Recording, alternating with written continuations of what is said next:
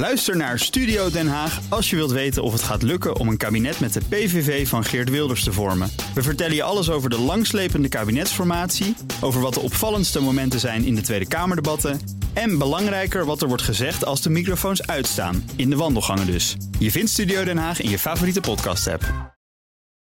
Crypto-update. Bij ons Herbert Blankenstein, presentator van BNR's CryptoCast... ons programma over bitcoin en andere digitale coins. Herbert, goedemorgen. Goedemorgen Bas en Meindert. Ja, nou bij, Diep onder de indruk, ja. Ja, ja het, is- het is ongelooflijk, hè? Je hebt ze allebei in één keer.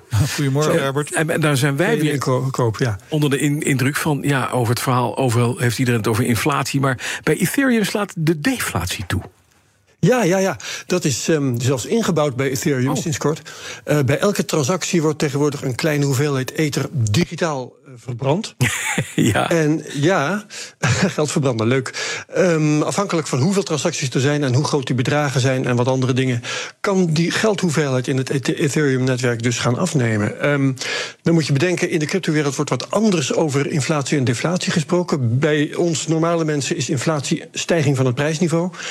Eh, bijvoorbeeld als de geldhoeveelheid stijgt, maar het kan ook andere oorzaken hebben. En in de cryptowereld zijn ze slordiger, dan noemen ze het toenemen van de geldhoeveelheid meteen inflatie. En een afname is meteen deflatie, ook als de koersen zich daar niet zoveel van aantrekken. Dus dat moet je even weten. juist. Het aantal ethers neemt nu af in recordtempo. Dat er weer wel, hè? Ja. Er wordt een hoop gebeurd. Dat- Precies, dat, en dat is het nieuws. De hoeveelheid ether in omloop is de afgelopen maand met 1% afgenomen. Dat is een record.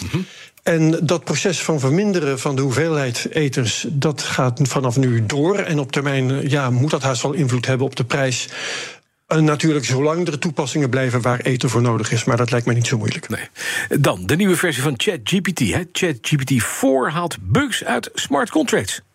Ja, ja, dat is de laatste upgrade. Ehm, allerlei andere mooie dingen kun je er ook mee. Ik begrijp dat hij op zijn sloffen een graad in de rechten kan halen. De vorige versie kon dat niet. Ehm Conor Grogan, hij is ex-directeur productstrategie van Coinbase... die vroeg aan GPT-4... Zou je even kunnen kijken naar dit smart contract, eh, of daar veiligheidsproblemen in zitten? Er was een stukje programmeerwerk in Solidity, dat is de programmeertaal van Ethereum. En inderdaad, GPT-4 had meteen zeven bugs te pakken. Kon meteen ook uitleggen hoe die misbruikt konden worden. Geweldig. En eh, sprak het advies uit dat het beter zo niet kon worden gebruikt, dat maar- smart contract. Maar het was niet zo aardig dat hij meteen ook zei van dit is de oplossing. Eh, Nee, dat vermeldt het verhaal niet, dus ik denk dat dat niet zo is.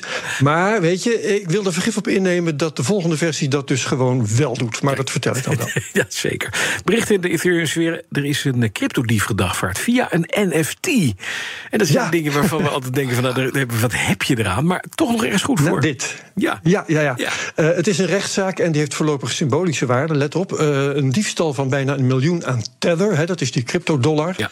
De benadeelde heeft nu voor de Amerikaanse rechter geëist dat de dief het bedrag moet teruggeven.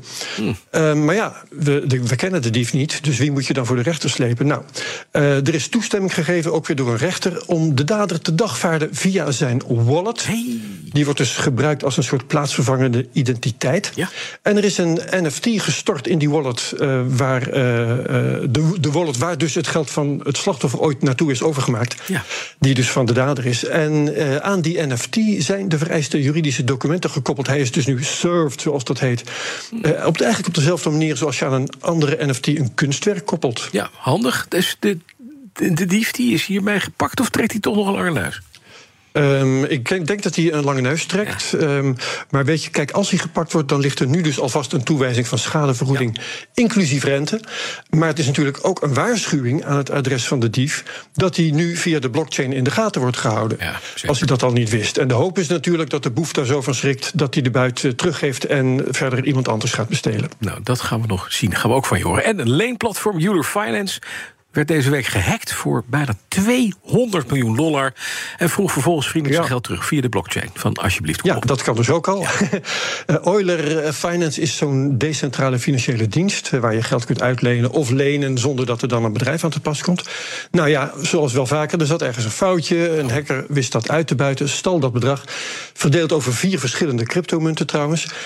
En Euler heeft toen een transactie opgezet, ook weer naar de wallet waar het geld naartoe was verdwenen. Uh, anderhalve dollar aan ether hebben ze overgemaakt, dan weet je dat meteen ook. Uh, maar dus alleen als een soort postzegel om daar een bericht aan te kunnen koppelen.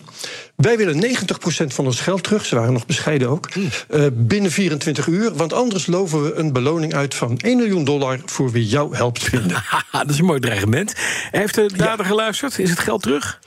Uh, hij heeft niet geluisterd, was oh. blijkbaar niet onder de indruk. Gisteren is die beloning inderdaad uitgeloofd. Geweldig. Dus uh, ja, uh, luisteraars die hier iets van weten... die kunnen dus snel een zakcentje verdienen. Kijk aan. Dan, wat heb je in de CryptoCast deze week ten slotte, Herbert? Nico Smit, oprichter van een bedrijf dat miners helpt... activiteiten te ontplooien in Latijns-Amerika... en dan wel vooral in Paraguay. daar hebben ze een hoop waterkracht te veel. 2 gigawatt hebben we het over.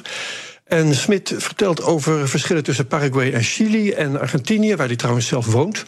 En het is echt mooi om te horen hoe uh, echt een behoorlijke hoeveelheid mining plaatsvindt met energie die anders gewoon zou worden weggegooid. Um, en ook leuk om te horen hoe overheden in die andere landen staan tegenover mining en tegenover crypto. Dankjewel, Herbert Blankenstein. Alle afleveringen van de CryptoCast te horen via de BNR-app, via bnr.nl of de podcast-app voor je keuze. Crypto-update wordt mede mogelijk gemaakt door BitTonic. Al tien jaar lang de Bitcoin-autoriteit van Nederland.